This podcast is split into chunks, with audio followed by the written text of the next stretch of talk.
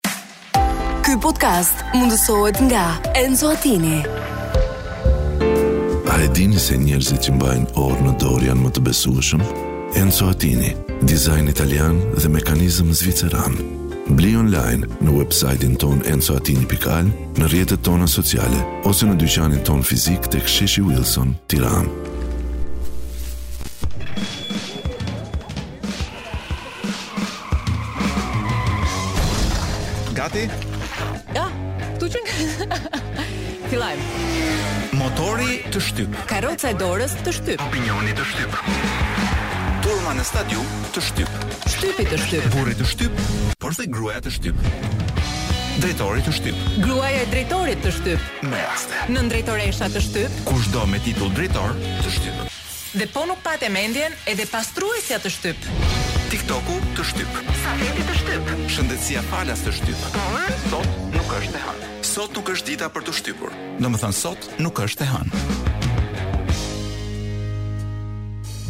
Por mbi gjitha sot nuk është as festë. Jo, fare, por festat do të vijnë shumë shpejt, ndërkohë që doja të të falenderoja për praninë tënde kaq korrekte, sepse korrektësia në fakt është edhe një sens i lartë i përgjegjësisë ndaj atdheut, kështu që ti sot Kolo je duke e manifestuar të gjithë mbështetjen tënde. Unë ta kisha ditur që Shqipëria do bëhej vetëm me korrektësi, unë do do kisha punuar më shumë për këtë vend, të jem i sinqertë. Ja mirë se na erdhe. Ë, e dashur Blerina, Më thuaj, qëllon. Si ka qëlluar që ti, domethënë, nuk nuk kam lindur në Itali. Jo, si ka qëlluar që ke qëlluar këtu sot? Domethënë, pse pse nuk je në Kroaci duke bërë një ose në Itali duke bërë një emision nga Italia. Sepse nuk e bëmë atë ponten e famshëm, atë urën nga e premtja në të mërkurë, pushim, edhe ja te kemi, Por ka shumë shqiptarë që kanë përfituar nga këto, nga ky pesëditësh për t'u shkëputur pak, për të marrë pak ajër evropian. Pra si me thënë festat janë motivi më, po them momenti më i mirë për t'u shkëputur nga depresioni. Pra po. për të lënë depresionin mbrapa dhe mbas për ta lënë këtu. Po. Pra ne për të lënë mua aty dhe depresionin po. e këtij vendi bashkë me uh, depresionin e atyre që ikin. Pra ne mbajmë dhe të atyre që e lënë këtu. Po. E di ti atë shprehjen që ti mund të largohesh, po. Pra bëjmë pak pushim nga Shqipëria, festat e festat e çlirimit dhe të dhe të flamurit. Ëh. Mm që gjithmonë nuk e di se si ia dalin që i bëjnë 4-5, pra nga dy nga dy ditë bëhen gjithmonë 4-5, 6. Po se kaq është java o Kolo, o do vijnë në fillim jave, o do vijnë në fundjavë dhe bëhen 5 ditë. Po që të mos vijnë, pra që të ngelemi shtatzënë dhe mos na vijnë kurrë, nuk ka nuk ka rastisur.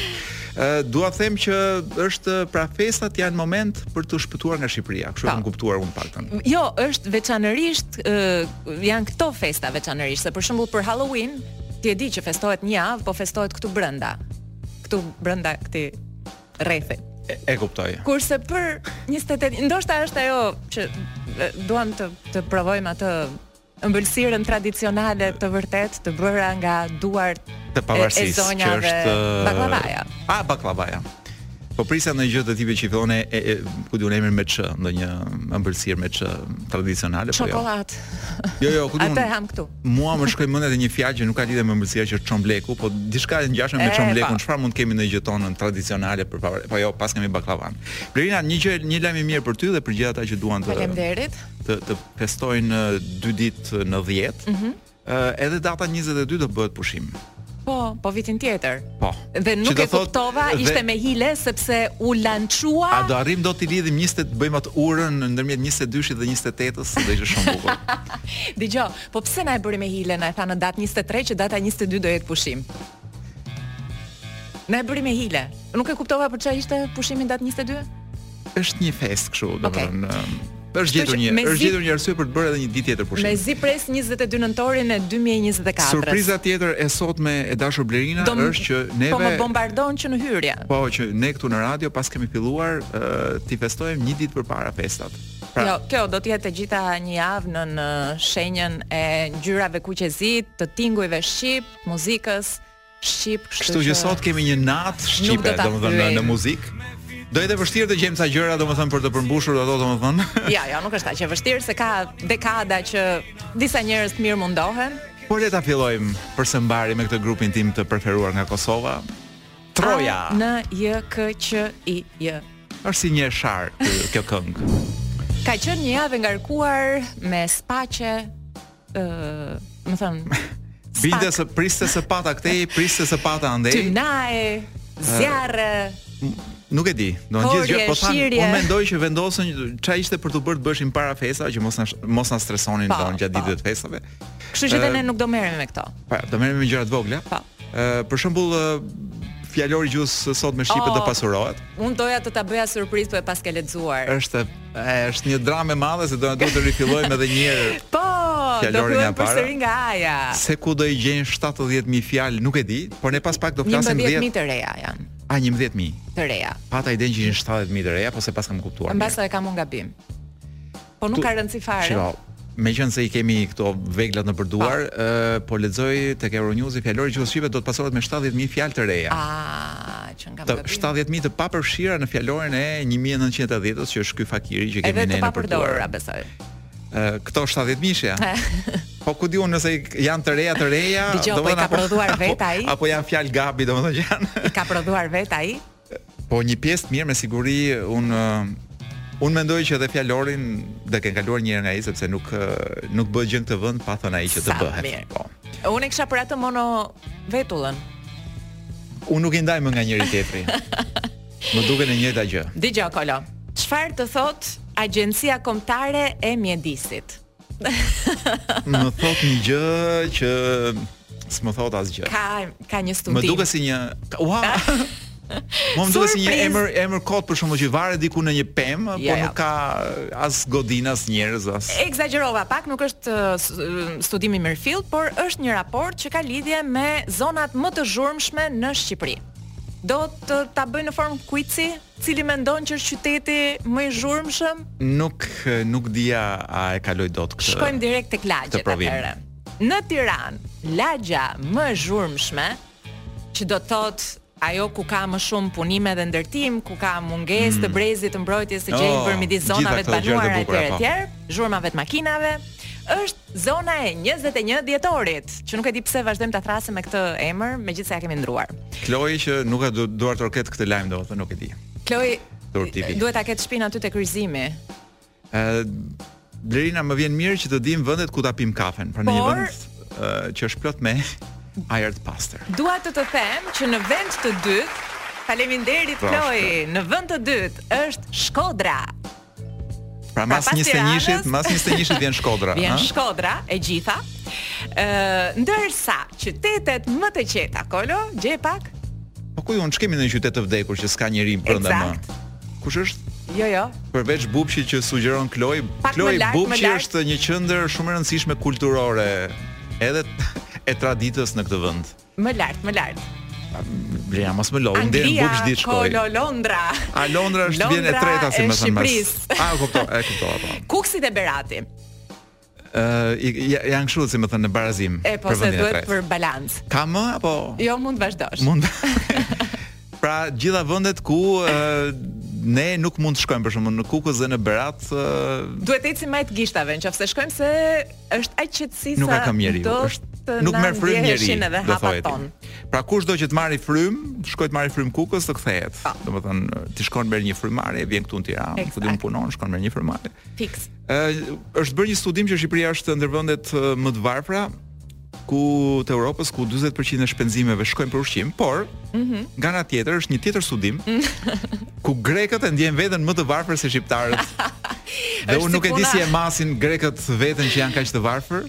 Është Dhe me cilët shqiptarë krahasohen? Si puna e asaj temperaturës, është temperatura e vërtetë dhe temperatura e perceptuar. Kështu që ne me të vërtetë mund të të jemi trokë, por nuk ndjehemi dhe aq trokë, ndërkohë që grekët uh, mund të jenë më mirë se ne, po ndjehen më keq se ne. Po, Hajde, nuk di të them për nuk di të them për grekët, por mbase e masin me numrin e suflaqerive për frymë banori. Ëh. Mm -hmm. Dhe kam përshtypjen që ua kemi kaluar ose jemi duke ua kaluar për pak. Ëh, do të çoj pak në Korçë. Ëh. Ua, sa do të çoja? Të lutem. Korça jote ka përparësinë ndaj simes. Ë, kam një tjetër emër institucioni. I vështirë është. Stat. U. Uh. Eurostat. Jo Instat. Eurostat është uh, një institucion që unë mendoj gjithmonë para gjumit. Korça dhe Gjirokastra, sipas Eurostat, janë rajonet e Evropës me rënien më të madhe të shtesës natyrore të popullsisë në vitin 2021. Lina se e the sikur po e do mos do dalësh në balkon dhe shpallësh dhe pavarësinë.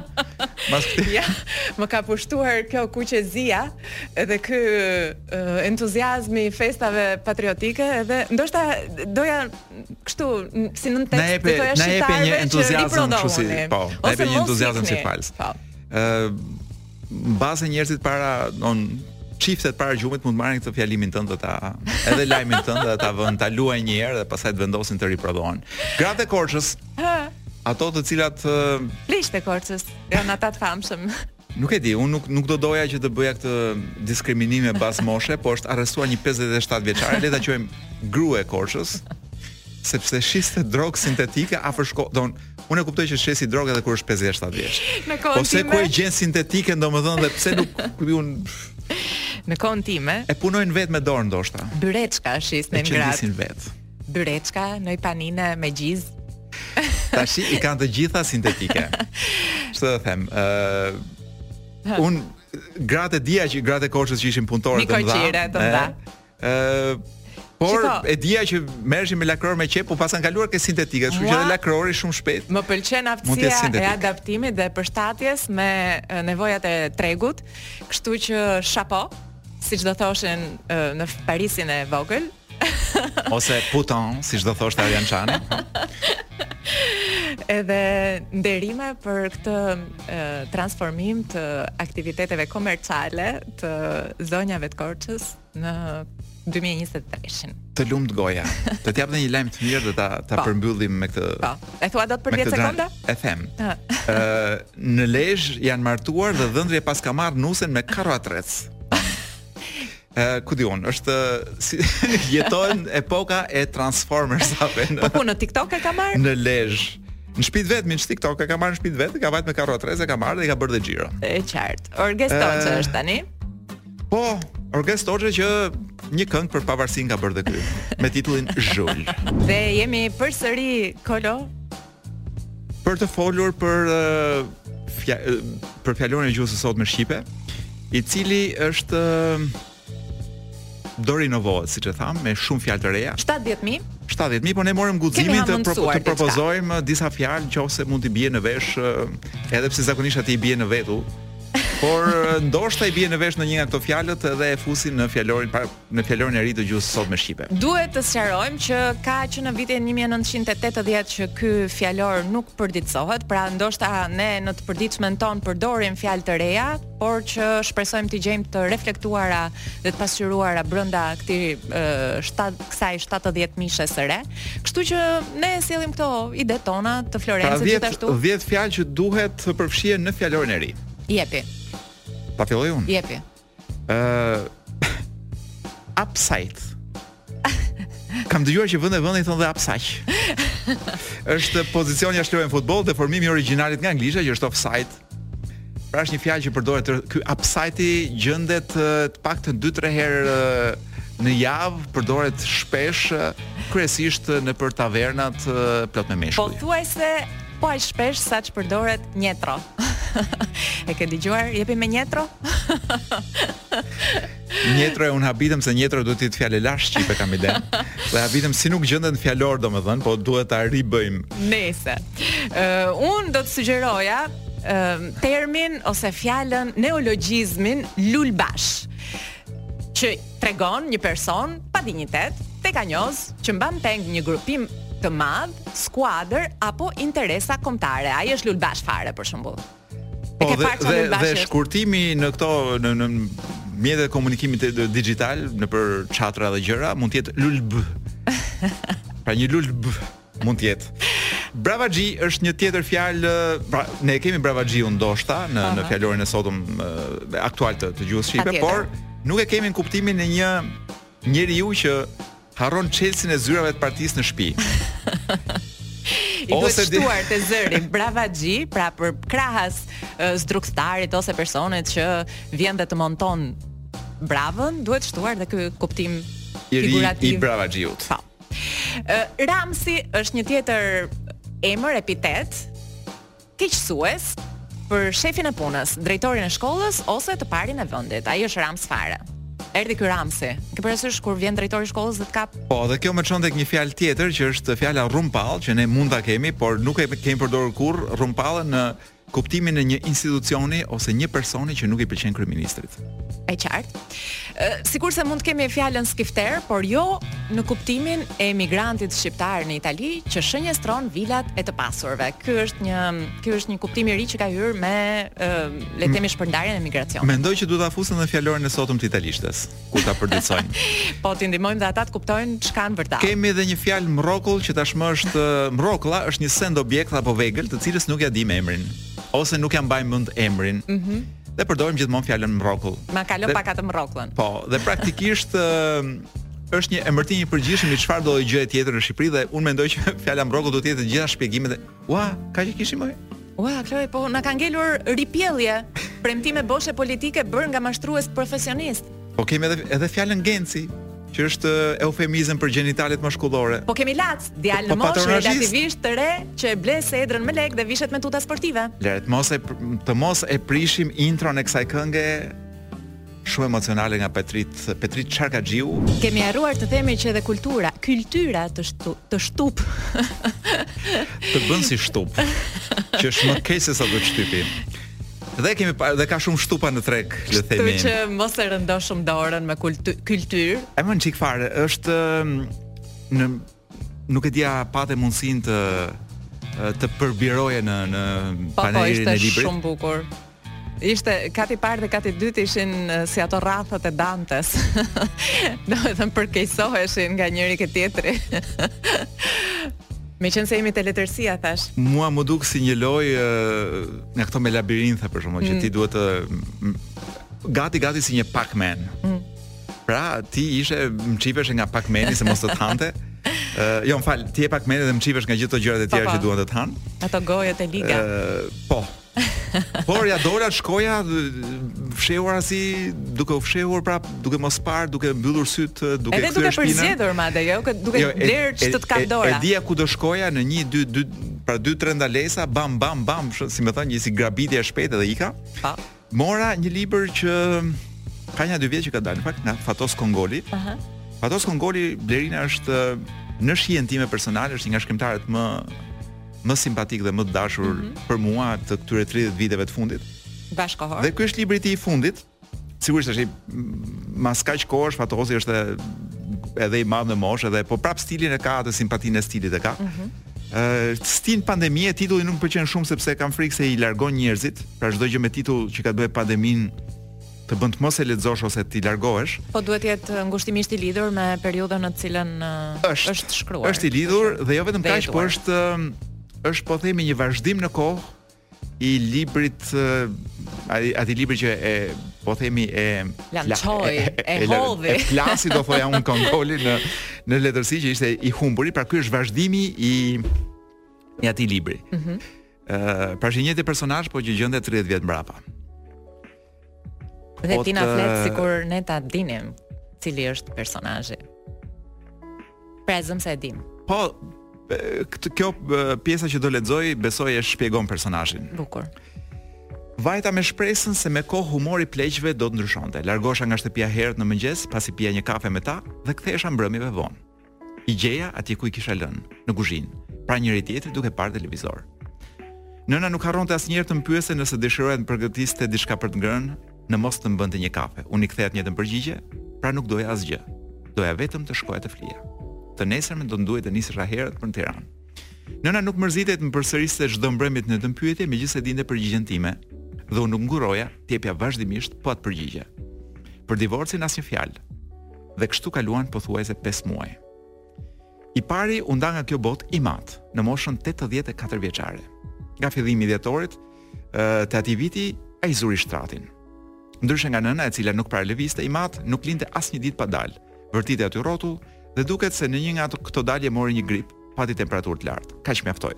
Barnat që i dha mjekja e lagjes nuk e ulën temperaturën dhe pasi hoqi nja 3-4 ditë, u shua. Në varrimin e tij mori pjesë e gjithë qyteza. Erdhën dhe nga Tirana kolegë të njohur, nuk dua të zgjatem. Mbi varrin e tij u vendosën shumë kurora, por nuk u mbajt ndonjë fjalim. Ndoshta sepse ndërmarrja ku ai kishte punuar gjithë jetën si llogaritar, derisa doli në pension, nuk ekzistonte më prej kohësh, pra nuk u gjend askush që të fliste. Vetëm unë thashë nja dy tri fjalë, falënderova të pranishmit për pjesëmarrjen dhe i ftova në drekën që shtrova në një restorant. Nëna iku dy javë më vonë. Jo për shkak të ndonjë gripi me temperaturë të lartë, as të ndonjë sëmundje tjetër. Ajo vendosi të ikte dhe iku. Kthejmë faqen. Pas largimit të tim eti, para se të shkoja në dhomën time për të fjetur, e kisha bërë zakon t'i bëja shoqëri me një gotë raki përpara. Thjesht që të rrija me të, të mos e lija vetëm. Atë natë ajo nuk priti siç kish pritur gjithmonë të largohesha unë i pari. Më vështroi në sy dhe më tha diçka që më la pa gjumë gjithë natën. Më ka marrë malli për fëmijët, më tha. Më mbyti malli, mi sill ndonjë ditë. I tronditur i premtova se do t'ia sillja që të nesërmen. Fli qetë, i thashë. Nesër do të t'i sjell patjetër. Të nesërmen në mëngjes, unë nuk e gjeta si zakonisht në kuzhinë. Prita një copë herë që ajo të vinte, më kot nuk erdhi. Gjatë natës, nëna ishte nisur të shkonte për tek im atë dhe më mbyti një dënesë e rëndë. Pastaj ë ky është një moment në jetën e personazhit, Kloi kemi kohë të lexojmë më apo të shfletoj dhe po thotë Kloi. Mirë, Kloi do të mbush programin. Do ta mbushim Kloi. Po shkoj po shkoj në mars të 2020-s. Pra sepse ky personazh i lëviz me kujtimet në kohë. Burri u ngrit ngathtësisht nga krevati dhe një copë herë mbeti në mëdyshje. Si rregull, çdo mëngjes ai niste ditën duke dalë jashtë, pavarësisht kohës, me shi apo me diell, dimër apo verë. Dalja jashtë për një shëtitje mëngjesore, të cilën aktualisht e kryente aty rrotull në mjediset e lagjes, ishte siç thuhet me rëndësi jetike për të. Po aq jetike ishte edhe një shëtitje e dytë pasditeve. Arsyeja, përveç sëmundjes së tij të vjetër hipertensionit, vitet e fundit i qenë shfaqur shenja diabeti, pra duhej të tregohej i kujdesshëm në mënyrën e të ushqyerit. Domethënë pa e tepruar me përdorimin e kripës, të brumrave, të yndyrnave, sidomos shtazore e kështu me radhë. Krahas këtyre porosia më këmbëngulëse e mjekëve ishin ushtrimet gjimnastikore, shëtitjet në natyrë. Pëlbëzati me vete, ç'të bëj? Urdhri ishte kategorik sidomos për moshatarët e tij, përgjithësisht për kategorinë e pensionistëve. Këta me ç'dëgjonte të thuhej në gjithë kanalet televizive që transmetonin urdhrat e autoriteteve, e autoriteteve, e kishin rreptësisht të ndaluar të dilnin nga shtëpia. Me një fjalë, nuk mund të nxirrnin jashtë as majën e veshit. Këmbët e çuan pranë dritares.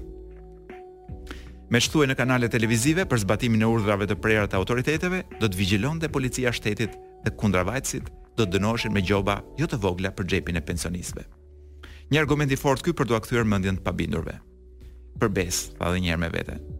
Tek vështronte tutje në rrugë ku përveç gërmadhave të lagjes së ardhacakëve, të mbetur atje si varr i hapur, dhe disa makinerive të rënda, të mbetura nga ana e tyre në tako, nuk dukej këmbë njeriu. Ç'të bëjë? E vendosi të dilte. Më mirë të më zërë kolera mendoi se sa të kalbem e të ngordh i mbyllur brenda mureve të shtëpisë. I qetësuar nga ky arsyetim, veshi një palë tuta. Vajti në banjë, ku mbi një etazher mbante këpucët dhe mori një palë atlete. Veshi dhe një xhup dimëror dhe disa minuta më vonë u gjend buzë rrugës kombëtare përballë gërmadhave të lagjes së Ardhacakëve. Shëtitjen mëngjezore ai e bënte sipas të njëjtit itinerar në anën e prapme të pallatit. Atë ditë, para se të shkonte andej, nuk e kuptoi as vetë përse, qëndroi për disa çaste mbi trotuar i hutuar, me vështrimin mbi gërmadhat. Atje ku dergjeshin këto të fundit, veç ngrehinave të tjera, ngrihej edhe një godinë trekatëshe në katin përdhesë të së cilës gjendej një klub, ku ai shkonte për kafe. Më të rrallë për të luajtur bilardo. Godina nuk ishte më, as klubi, as bilardoja. As miqtë e tij të lagjes me të cilët pinte kafe ose luante më të rrallë bilardo. Burrit iu mblodh një lëmsh në grykë, lëvizi zuri të ecte me hap të shpejtë në, në itinerarin e zakonshëm në zonën prapa pallatit. U vërtit rreth njëzet e pesë minuta, për fat nuk u përball me asnjë polic, ndoshta ngaqë ishte ende herët dhe i ngushëlluar së paku që nuk i doli ndonjë problem me ruajtësit e rendit, u kthye në shtëpi. Dikush ishte kujdesur të ndizte pompën e ujit. Kjo do të thoshte se me të mbërritur lart do të bënte një dush. Pas dushit do të përgatiste diçka për të ngrënë. Të gjitha këto veprime ai i kreu me nge. për të kaluar kohën. Por sado me nge që i kreu, mbërriti një çast kur nuk i mbe... ta mbyllim Kloj. Tani do, tani vjen pjesa ku ky merr pistoletën. Po ne nuk do e marrim vesh se ç'do ndodhë me atë. Me atë pistoletë. Ë uh, Në fakt ta, tani, ta... tani ndizet pak ngjarja, po ne do ta mbyllim. Edhe mund ta vazhdojmë të që vjen.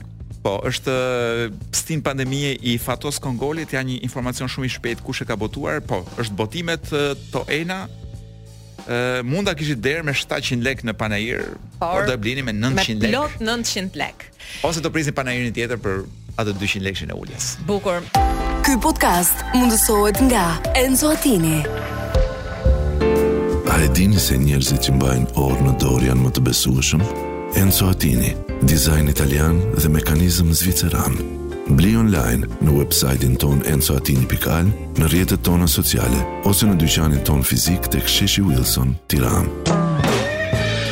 Sot nuk është e hënë. Je mjaltë, por uh, tingujt kaq lozonjar. He, helm, helm është kjo kënga. Domethënë se është jo në kuptimin kështu të, të emocioneve që të pra.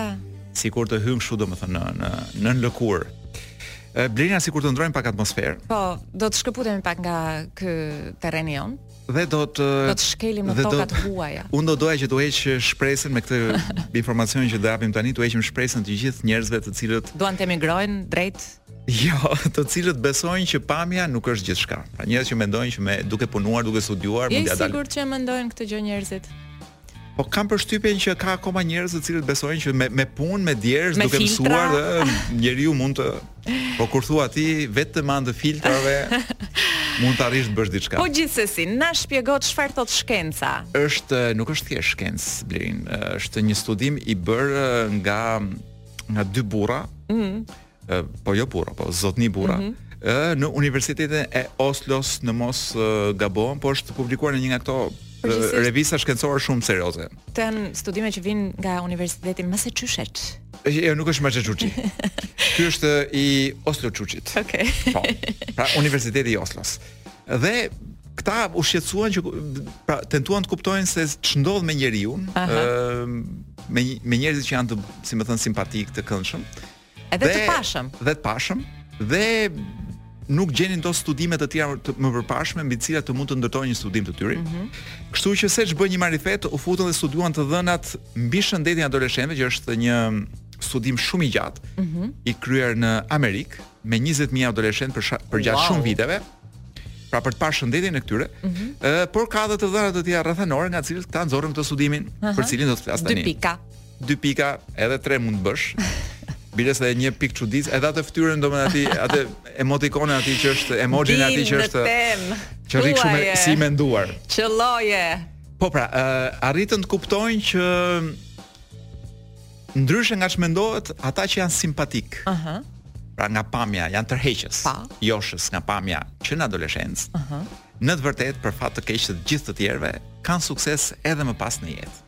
Po kam përshtypjen që ne thellë thellë e kemi ditur këtë thjesht nuk kemi pasur ku ta mbështesim. Dhe suksesi është i të gjitha formave, është uh, shoqëror. Ëh. Uh -huh. Pra njerëz që ecin më sh, më lart në përgjithësi po themi në shoqëri. Ëh. Uh -huh.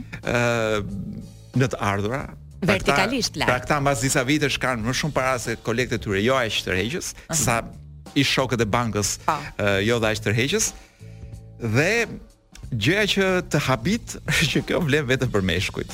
Ja, këtu tani domethënë m'i theve, m'i theve të gjitha besimet. Dhe te kush, te meshkujt që në përgjithësi nuk kujdesen shumë për të qenë tërheqës, ndryshe nga gratë, meshkujt nuk para fusin shumë filtra, do thoja unë, në fotot e tyre. Ndoshta ata të moshës tënde. por brezat e rinj Kolo. Ashtu ë. Po po. E thyen filtrin në mes do thua po, ti. Po. Pra bëjnë e thyen dhe bëjnë shumë filtra nga një i vetëm dhe i fusin gjitha bashkë. Po gjithsesi, unë do ta merrja si një mesazh për gocat që të mos stërmundohen aq shumë sa ç'stërmundohen, Unë do thoja që le mos japim fare mesazhe secili të kuptojë mesazhin e vet. Mbase duhet të investojmë në mënyra të tjera tek vetja, Edhe jo duke u orvatur, zhvatur, jo, unë do të rregullime. Unë do thoja që gocat për shembull të mos përpiqen të rregullojnë veten me këto gjëra që thua ti, por të gjejnë një çun simpatik që në adoleshencë, edhe të rregullojnë atë, domethënë t'i qepen atij dhe të mundohen të rregullojnë atë. Pra përpiquni të shi, të të merrni të të bëni pronare të një djali adoleshent simpatik tërheqës, dhe si me thënë ta punoni o Kolo, për disa vite rresht. Po ajo kënga e Irma dhe Eranda Libohovës, meqenëse jemi te këngët shqipe, zgjodha njerinë, ku zë vend në këtë puzzle? Ajo pikërisht është kënga që tentoi të na shpjegonte 30 vite përpara, apo 40 vite përpara. Që s'kishte rëndësi pamja e jashtme. Jo, që duhet të zgjedhësh atë njeri atë njeri që siç thotë shkenca do të jetë shumë i suksesshëm ë më vonë. E sheh që ne jemi Asa që kam po folëm, po do doja shumë në këtë moment të që më flitet për këto gratë e Korçës që shesin po, drogë sintetike. Po jo se e thamë një atë. Por mund të të të flas për diçka tjetër për trurin adoleshent apo është herët akoma? Nuk është formuar akoma po thua?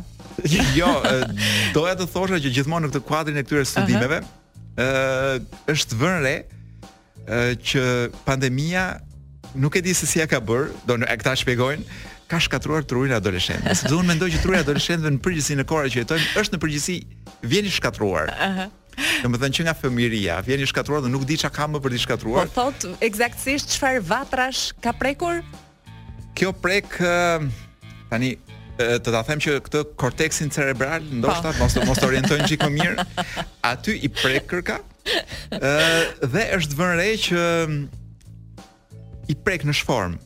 I plak. Pra pandemia, pra kjo periudha e pandemisë ka plakur adoleshentët. Ëh. ka vepruar ato në ato zonat e trurit, të cilat ndikojnë dhe shpe, përshpejtojnë plakjen. Pra mund t'i nxjerrim direkt në pension. Për shembull, dhe më lejo të them që unë kam shumë kohë që shoh 30 vjeçarë përqark që duket sikur janë pensionistë. Kupton janë pa pikë gjaku dhe janë kështu vetëm aty me atë kafe, me atë cigare, kështu rrëk rrëk, flasin dhe ngadalë, kështu si mendon sikur nuk janë 30 vjeç, po janë 70 vjeç domethënë dhe janë drejt fundit të jetës kur në fakt Janë pak a shumë, si më thënë, si afër fillimit. Dhe imagjinoj që pandemia ka vetëm tre vite që manifestohet, katër, domethënë, ndodhi ato dy vite dhe jemi duke shijuar pasojat. Unë mendoj që ndoshta ishin të gjitha arsyet aty donin vetëm një shkrepëse. Pra drurët ishin gati. Ajo pika e famshme që derdhi gotën, pra, ajo që duhet vetëm hedhur shkrepësja për t'i dhënë turrës së druve mm, zjarrin domethënë. Jemi përsëri bashkë Kolo në rubrikën tënde të preferuar. Po ku do jemi? Po ku do jemi? Blerina, rubrika ime e preferuar se jam i hutuar, po përpiqem që brenda minutazhit që na ka dhënë Kloi, të lexoj të gjithë pjesën që ka ngelur nga, jo, të mbaroj germën A. Ah. Si me thënë, A dhe po ia dolëm që mbyllim dhe B-në brenda fundit të vitit e kemi mbyllur planin. Ë e kemi lënë, nuk mbaj mend ku e kemi lënë, por unë dyshoj që kemi lënë tek një vend me A. Ë ku është një fjalë që ne paskemi po s'e përdorim kurrë, mm -hmm. është fjala karroatreci, por në shqip. Auto. Pra, është autovinç në fakt. Ua, sa e bukur. Autovinç është vinç i vendosur në automjet. Pra ajo makina që ka vinçin që ngre, është autovinç. Je i sigurt? Vinç i vendosur në automjet. Krahu i autovinçit, ngre me autovinç. E qartë. Çfarë bëjmë ne ngremë? Po, mund të jetë. Edhe po ta kthesh nga italishtja është është një vinç që ngre, ku di unë, ngre gjëra. Është një carro attrezzato, është një jo, është... makinë e pajisur. Nëse nuk me, ke shumë të drejtë, nuk qenka e njëjta gjë, por uh, autovinçi më rri shumë mirë në vend të karroatrecit. Bukur, bukur dhe më vjen shumë inat që do kemi dhe autovinç edhe edhe karroatrec. dhe ndoshta do fusin karroatrecin dhe do heqin autovinçin nga fjalori i ri. që i hëngërt.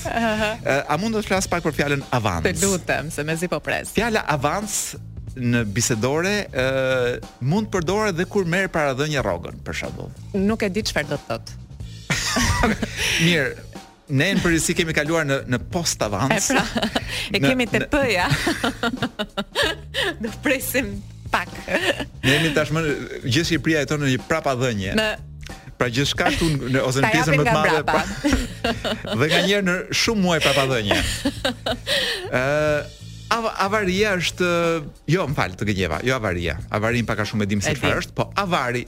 Avari është një Kalli misri. Vepër e Molierit, a jo. Është një kalli misri, mund të ishte. Ë zakonisht i zgjedhur për farë. Pra paska unë nuk e dija që misrit Do shkon dikush aty te fusha e misrit dhe thotë ti është ti more je për. Është si ai Staloni i i kuajve apo jo? Pa nuk e di, për, unë mendoj se po thoje si Sylvester jo. Stallone që është ta marrësh ta varsh në në në shtëpi për farë. Eh. Ë ky avari kalliu i misrit varet në trarë të shtëpisë për t'u tharë dhe për t'u ruajtur Pra njeriu mund të vërë një avar, se vë avar, pra shumë avar. Është dhe avardeja që është një lloj rrjete e vogël për peshkim. Është dhe avdeshana. Oh, avdeshana çfarë është do thua ti? Një vajzë bukuroshe. Po. Jo, domethënë është një sqoll ku lahen enët. Po sqoll çfarë është? Lind, sqolli është një lavaman. Okej. Okay. uh, ku lahen enët, por nganjëherë dikush e paska përdorur dhe në konceptin e nevojtores. Oh. Avdeshanën. Dhe unë them nevojtore është fjalë pak kështu të vjen si si ndot, por kur thua një avdeshan, po shkoj të lutem po largohem pak për në avdeshan. Është i jep një allafrëng, një gjë allafrënga komplet atij procesit që është shumë alla, që është shumë allaturka. Ëh. Uh -huh. Uh, ka ca gjëra me me avokatët, po unë po i kaloj. Ata që uh, han apo ata që av është avërma, është një gjalm zakonisht prej lëkure që përdoret për të qepur ose për të lidhur opingat. Ëh. Mm -hmm. Paska edhe retër, do pra që retër avërm dhe gjalm qenkan ku di unë e njëjta gjë pak a shumë. Ëh. Uh -huh. U përdorka edhe për të qepur. Ëh, uh, avërma thamë. Bukur. Ëh, uh, çfarë kemi tjetër është avër, që është një ajër i ngrohtë ose erë e ngrohtë që zë frymën, si punë mm -hmm. zagushie. Ëh. Mm -hmm. Ka një lloj afshi, si me thënë.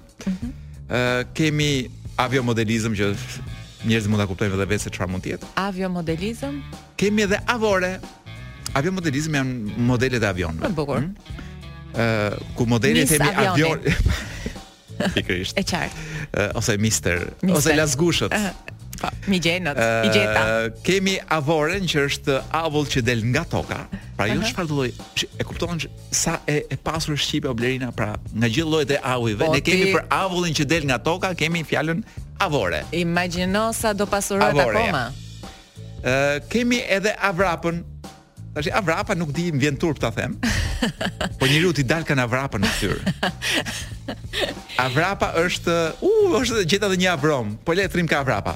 Avrapa është një nishan me qime në fytyrë. E tmerrshme, e tmerrshme. Ose... Dhe është për, përgjithsisht... Do them se e ka shkruar fjallori. Ose në trap të njeriut. Po kur vijmë te t-ja do të sqaroj që trapi nuk është ai që ne kemi kujtuar gjithë këto vite. Jo, është diçka tjetër. Jo, ndërron. Përveç, ka një jo, trap. Jo, ai që rri në sipërfaqe. Ka një trap në trup të njeriu. Ëh, uh, e shu bëm me trapë dhe, dhe me trupër. Ç'po më thoje po? E harrova. S'prish punë, kur të të kujtohet, këtu jemi. Është lidhje me avrapën.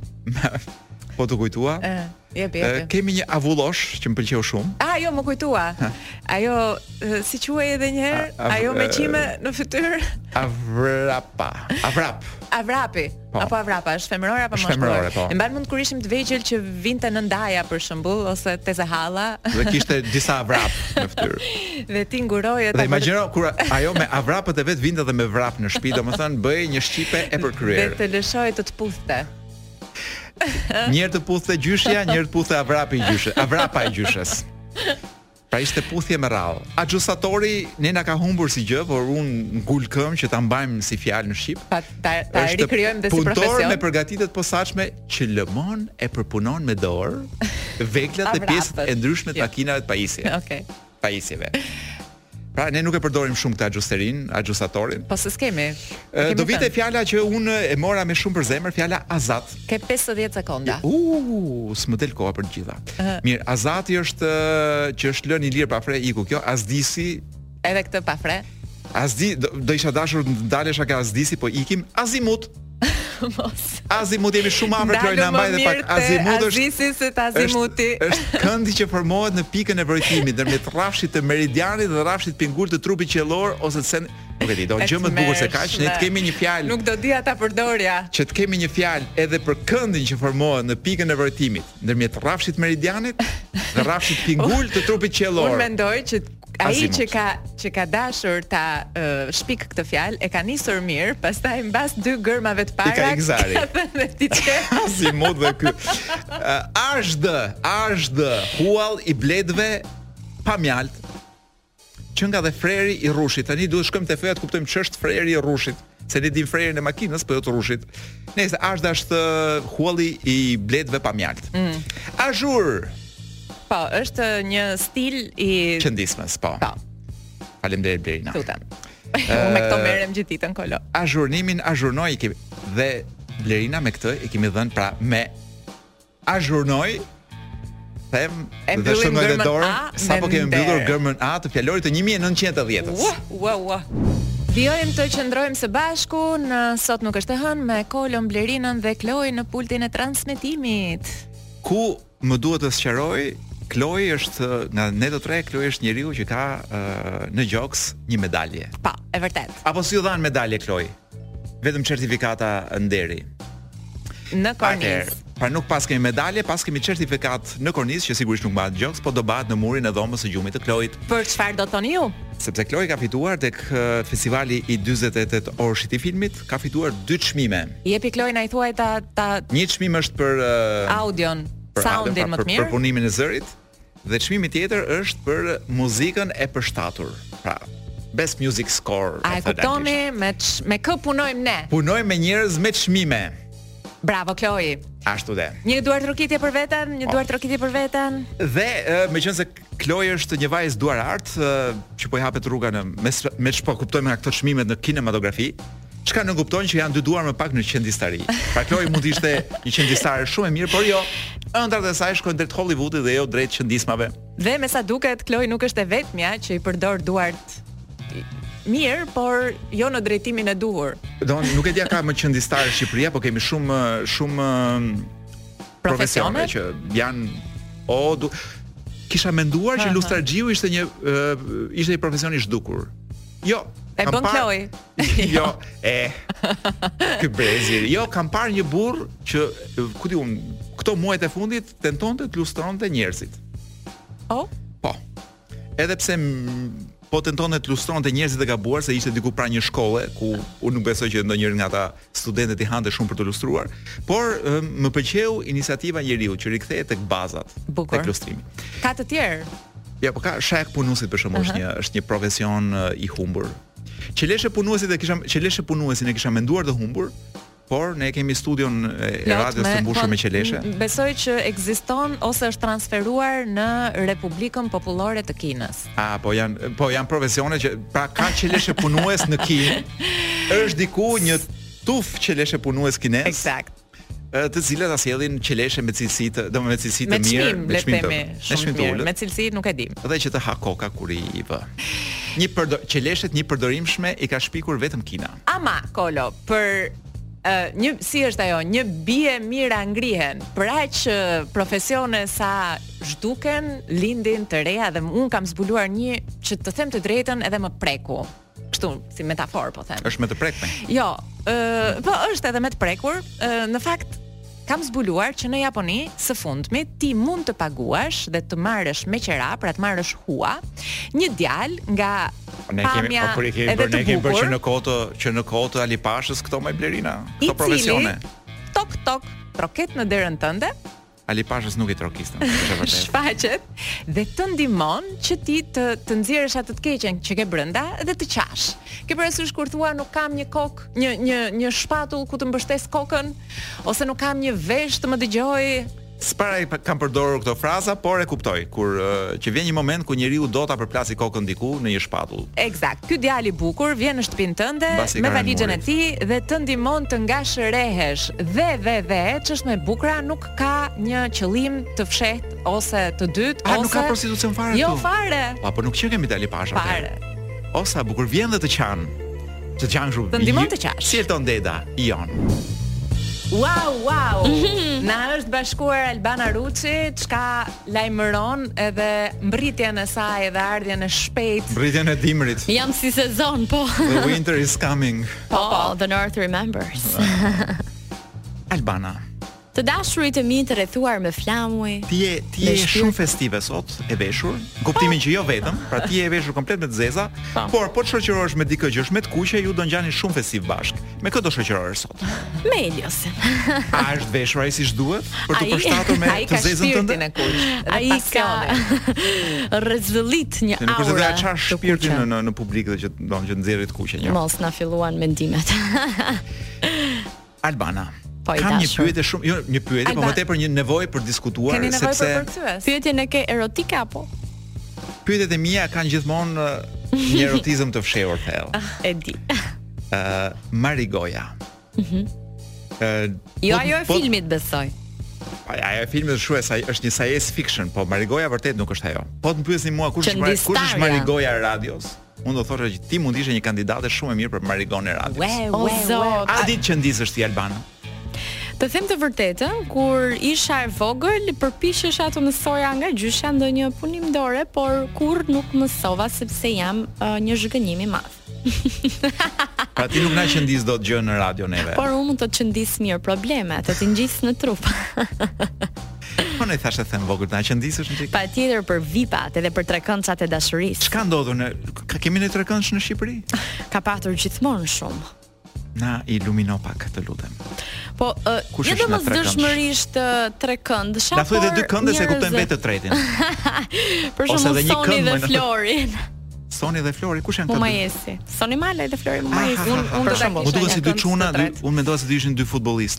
Duhet të ikim, duhet të ikim. Tuna, Patrisi, ndërkohë që ka qenë gjithë kohës me Kozmanin, doli direkt me Patrisin. Ti do të vazhdosh me muzikë shqip? Jo, unë do vazhdoj me muzikë të huaj. Do ta ah, thyej ritmin tuaj të shqiptarisë dhe dashurisë. Se isha kurioze se cilat do të ishin këngët më të reja për t'u lançuar në Lanço, por uh, ti nuk e thyen traditën, kështu që do të vijosh me këngë. Por trekëndsha dashurie pafund në Lanço do ketë. Apo jo. Do ketë. Na ka thënë Kloi që kjo këngë e fundit është një surprizë dhe përshëndetje për ne të tre. Ne na takon të përshëndesim gjithë publikun dëgjuesit që na kanë ndjekur për 2 orë me mund pa mund. Do ikim me këtë këngën, ë, që siç thoshte Elton Deda kur prezantonte këngën Jon, Aha, thoshte po kjo është nuk është kënga Jon, është këngë tjetër, është e, një këngë e të madhit Ardit Gjebrea. bukur. Dimëron. Ka që më Me prisja Albanën ndonjë pas pak, Po ka- bash, ua, po ka shumë. javën që vjen të hënën në sot Ne nuk kemi është komplimentet me hënë, kursim. Me mirë, puc puc.